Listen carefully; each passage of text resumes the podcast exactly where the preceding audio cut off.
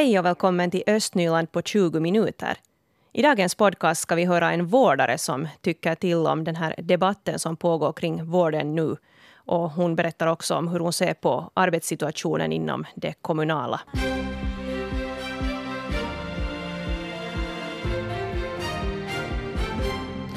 Klockan är halv åtta. Jag heter Helena von Aftan. God morgon. Lovisa kräver fler vårdare per klient på privata vårdhem än vad Borgo och Sibbo gör. I Borgo och Sibbo kräver kommunen minst 0,5 vårdare per klient på privata vårdhem som kommunen har anlitat. I Lovisa är motsvarande minimikrav 0,6. Och alla privata vårdhem i Lovisa uppfyller det här kravet. Minimikravet uppfylls också i Sibbo. I Borgo visade sig förra veckan däremot att det privata vårdhemmet Vuokko som ägs av Esperi och som staden har samarbetat med inte har tillräckligt stor personal. I Pyttis vill kommunen avsätta välfärdsnämnden på grund av förtroendebrist. Under sommaren och hösten har nämnden haft svårt att få ihop beslutsföra möten eftersom många ledamöter inte har kunnat komma på de här mötena och meddelat om saken sent. Det skriver Kymen Sanomat. För ett år sedan ville tre ledamöter i Pyttis välfärdsnämnd lämna den nämnden men de fick inte sitt avsked beviljat då. Och nu vill kommunen alltså välja en helt ny välfärdsnämnd. Bakgrunden till problemen ligger i bråket om mopedverkstäderna. Eh, 2017 beslöt nämnden om att se upp det ekonomiska stödet till en mopedverkstad och Pyttis kommun grundade då en egen mopedverkstad. Många var missnöjda över det här beslutet. Pyttis kommunfullmäktige ska fatta beslut om välfärdsnämndens avsked på måndag och då välja en ny nämnd. Världsmästaren i klassisk bänkpress Susanna Törrönen har genvalts till årets idrottare i Sibbo. Fritidssektionen i Sibbo har premierat Sibbo-idrottare som varit framgångsrika under fjolåret. Första gången Susanna Törrönen valdes till årets idrottare i Sibbo var 2015. Hon har tagit tio VM-guld, nio som junior och ett i damklassen i somras. Och polisen vill ha hjälp med att utreda ett råd, rån på Köpmansvägen i Borgo. Den 30 december klockan nio på kvällen rånades en man som putsade snö från sin bil. Den misstänkte använde våld för att få mannens plånbok och försvann sen längs med Hansavägen mot centrum. Nu vill polisen ha tips av allmänheten. Det var fråga om en ung man klädd i mörka jeans, svart jacka och svart mössa. Han var kort och hade skäggstubb. Nu över till vård och hur det egentligen fungerar här i Borgå. För tillfället diskuteras ju kvaliteten på vården en hel del i och med problem som har förekommit på privata vårdhem. Och också här i Borgå så har det förekommit brister vid ett privat vårdhem som stan anlitar. Och problemet har varit för lite personal i förhållande till antalet klienter. Och vi ska nu träffa Jenny Ek som är vice huvudförtroendeman vid vårdfacket Super och anställd vid ett kommunalt vårdhem här alltså av Borgå stad. Välkommen hit Jenny. Tack. Du jobbar på det här kommunala servicehemmet Svalåkern i Borgå som öppnade riktigt nyligen här i januari. Hur känns det att jobba inom vården nu medan den här debatten pågår? Nu är det tungt emellan, det måste jag nog säga. För att vi alla skötare, vi vill ju göra vårt bästa arbete. Och nu känns det nog ibland att, att när det, den här diskussionen pågår, att alla platserna är dåligt skötta. Att, att vi skötare gör, gör bästa och jag, att det är bra att den här diskussionen är, är framme, men att, men att något positivt skulle det också kunna komma med emellan. Att, att vi tycker alla skötare att vi är liksom så här pricken att alla tittar på oss och vi, kan, vi får inte arbeta i lugn och ro med våra åldringar. Mm. Hur tycker du själv att jobbet löper på din egen arbetsplats? Jag måste säga att vi har ett jättebra grupp med skötaren. Att det löper jättebra. Att ännu nu när vi, vi har flyttat och vi hittar den där rutinerna och att det börjar ännu löpa bättre så, så det kommer att vara jättekiva. Mm. Men något större problem har ni inte haft eh, trots Nej. att det är en ny verksamhet? Nej, lite tekniska problem som alltid i början finns och, och vi springer fram och tillbaka när vi inte hittar och ting. Och, men så där allmänt så det har nog gått riktigt bra. Mm. Nå, ett problem som har lyfts fram i den här vårddebatten är ju just det här med personaldimensioneringen på vårdhem för äldre. Hur tycker du att situationen är där på Svalåkern? Har ni tillräckligt med anställda? Vi har nog att vi har 0,6 faktiskt det där. Vårdare per klient? Ja. ja.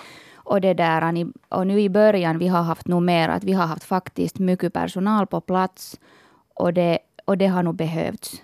Att åldringarna, när de inte känner den där platsen till sitt hem, så de är oroliga och behöver mera stöd och hjälp. Och då är vi där.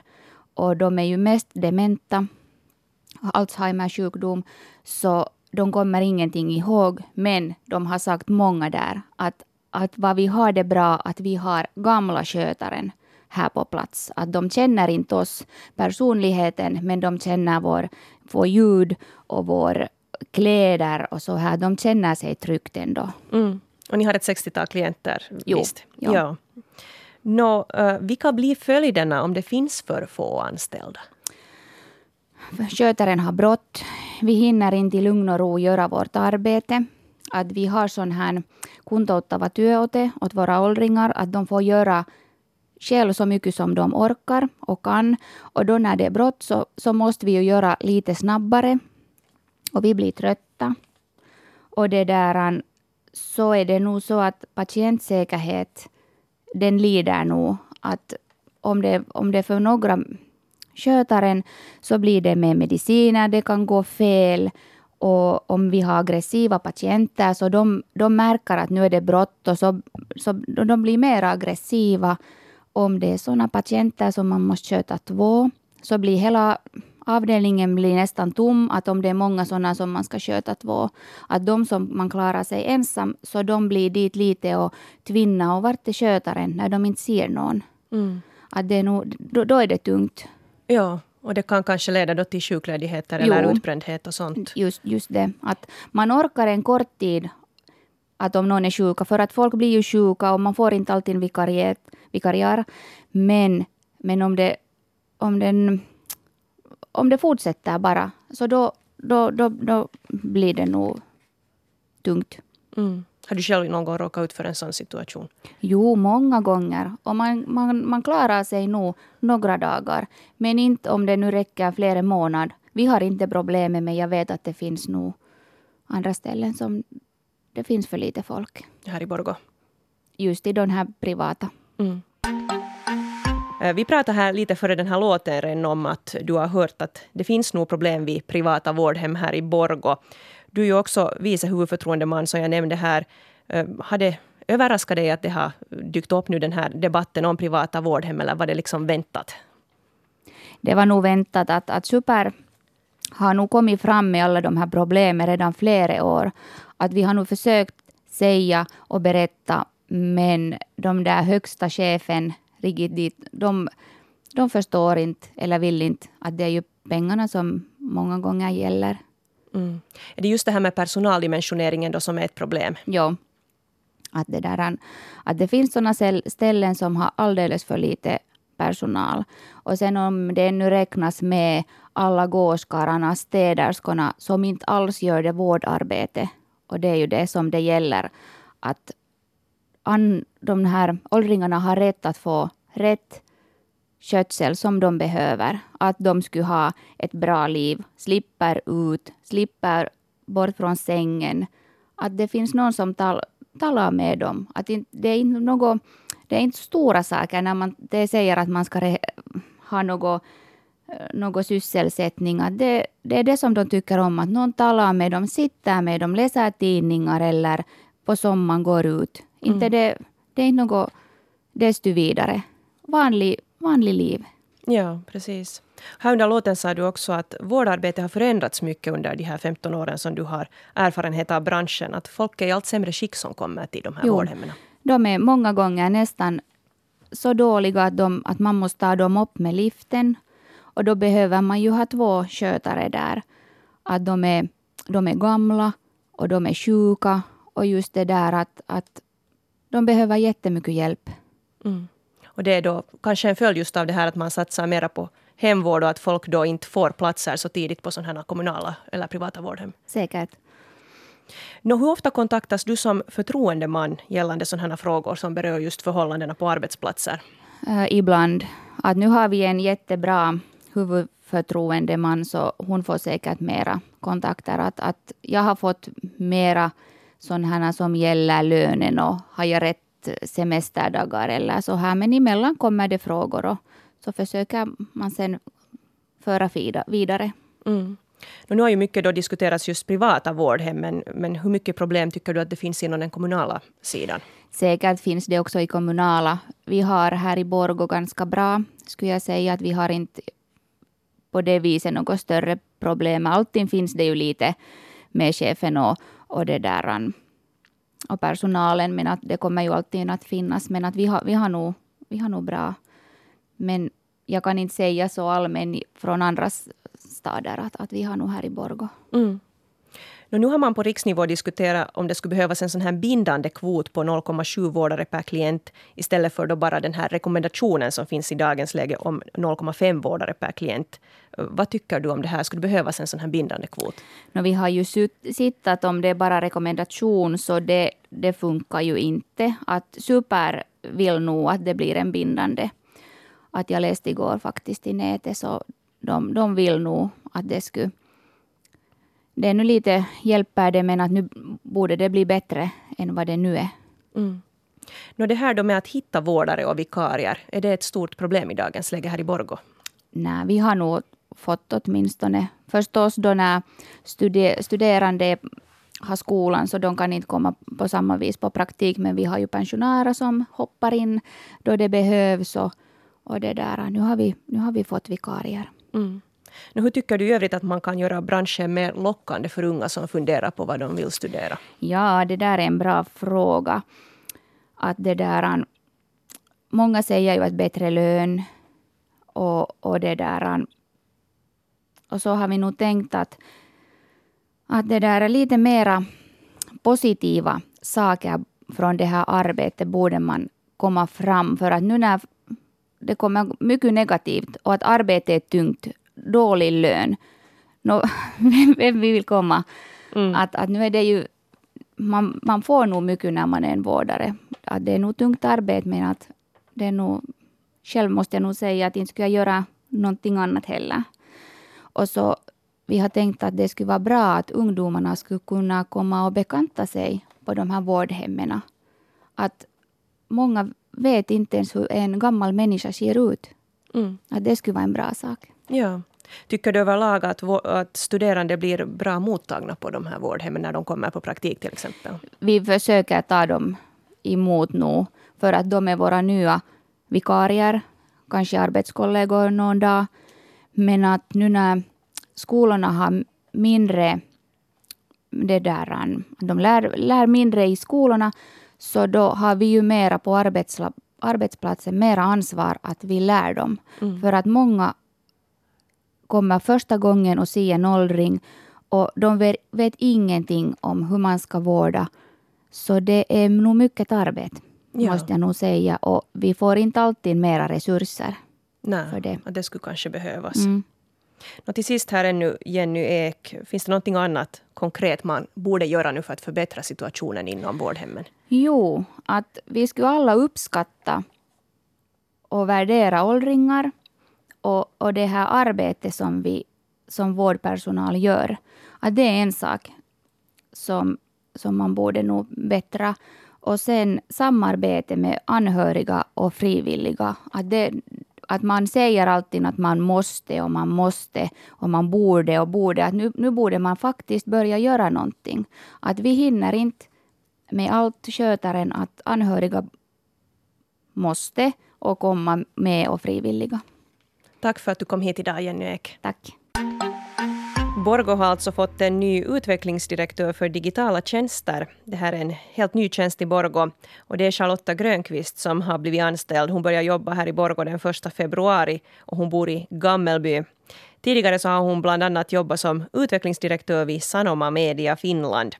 Välkommen hit Charlotta. Tack. Du ska alltså här nu när jag läste då från pappret inrätta en ny utvecklingsenhet för digitala tjänster och du ska skapa en ny verksamhetskultur i stadens organisation. Det låter väldigt snofsigt. Va, vad ska du göra i praktiken? I praktiken ska jag möjliggöra det att, att Borgå stad kan vara i framkanten av, av digitala tjänster. Det är något som, som, har, som står i stadsstrategin. Och, och ja, i, i, praktiken betyder det att, att, att vi ska se till att, att kommuninvånare får, ny, får nya digitala tjänster. Också det att vi kanske hjälper företag. Och sen det att, att digitala tjänster används inom Borgå stad. Hurdana digitala tjänster kan det handla om då som du vill utveckla? Som jag sa, just det, det, det kan handla om, om, Det kan vara många saker. Det kan vara sånt som är riktat åt konsumenterna. Ni läste just upp i nyheterna att Borgastad ska ta i bruk en, ny tjänst inom småbarnsfostran. Mm. Så det kan vara sånt som, som gör det lättare för föräldrar och, och personal att hålla kontakt. Sen kan det vara tjänster som gör att man kan skippa no, något manuellt arbetsskede i stadens eh, interna jobb. Eller så kan det kanske vara något åt företagen. Mm, så det är ganska mångsidigt det här fältet? Ja, stämmer. Hur stort intresse skulle du säga att det finns nu bland Borgåborna för sådana här nya digitala tjänster? Har du någon bild av det? Jag, jag har ju förstås den bilden att, att eh, Borgå anser att det är viktigt. Och mm. beslutsfattarna har, har beslutat att det här behöver vi. Så att det är väl ett, ett tecken på att, att det behövs. Men, ehm, men ja. Det ja, svårt det, att säga kanske ja. så här. Du har ju inte jobbat så jättelänge ännu. Det där, till exempel den här appen Team Borgo är ju någonting som Borgo har, har satsat på. Där har man kunnat delta i olika förfrågningar till exempel då via mobilen. Har du hört hur den här appen har fungerat och kommit igång? nu måste jag säga att jag, jag har inte ännu sett något resultat på det. Men att det här, som du säger, det, det, är ett exempel och det är till exempel här vi också kan fråga sen kommuninvånarna vad de tycker om digitalisering och, och, vad de vill ha. Så att det, är ett, det är ett bra redskap för oss som, som vi kan använda sen när vi utvecklar det här. Mm. No, digitala hjälpmedel har också diskuterats här ibland inom utbildningen i skolorna. Och då det faktum att alla skolor inte har riktigt samma möjligheter till datorer så här. Är det här en fråga du kommer att eh, också fundera på? Um, no, där måste jag säga att det, det, vet jag inte om det direkt hör, till mig. Uh, det är säkert i bildning, bildningsväsendet som, som det hör. Men att förstås det, det, är något som jag sen vill vara med och, och påverka. Mm. Att det skulle vara ett Eller hjälpa till. Mm. enhetligt system kanske framöver. Hur, det där, hur ser du då på digitala tjänster i förhållande till, till så här mer traditionella? Många äldre kanske tycker fortfarande att det är lite främmande med digitala tjänster. Ja, jag tycker att digitala tjänster ska vara till för de som vill använda digitala tjänster. Och som jag ser det, om det finns många människor som vill använda digitala tjänster och då, då sparar man ju, eller då, då löser man upp tid åt de som sen kanske inte vill använda digitala tjänster. Så att jag, jag ser det som ett bra komplement till, till, till det vad vi nu kan kalla då traditionella tjänster kanske. Ja. No, så här till sist här ännu Charlotta Grönqvist, eh, kan du nämna någon fråga som du har på ditt bord nu som du här närmast ska ta itu med? Ja, det finns, det finns många frågor. Och en sak som, som jag säkert börjar med förstås är det att, att göra helt en, en, en, konkret plan vad vi ska göra i år. Det, det, är det första vi ska göra. Och, och där finns några tankar har jag redan, men att, men att sen, sen bara vi får den klar så, så kan jag sen komma till kan jag komma och berätta mer om, om detaljer. Mycket i planeringsskedet ännu. Ja. Tack för att du kom hit idag. Tack. Igår kom det uppgifter om att en Borgobo har smittats med mässling och den här personen har också varit på kryssning mellan Helsingfors och Stockholm med Silja Serenade mellan den första och 3 februari, alltså alldeles här nyligen. Så nu håller man då på och utreder hur många som kan ha blivit utsatta då för smittorisken. Eh, Fredrika Sundén, vår morgonreporter, har talat med Jeff Westerlund som är läkare med ansvar för smittsamma sjukdomar vid Borgå stad. Fredrika, vet man var den här Borgåbon har rört sig, förutom på kryssningen då, hur många som eventuellt har blivit utsatta för smitta? Mm. Jeff Westerlund sa att de har hunnit kart kartlägga de här platserna där den här personen har rört sig. Men han sa att det gäller främst eh, den här personens arbetsplats. Eh, några närmare detaljer ville han inte gå in på där. Eh, och det kunde han också säga att ungefär 100 personer kan ha exponerats för den här smittan.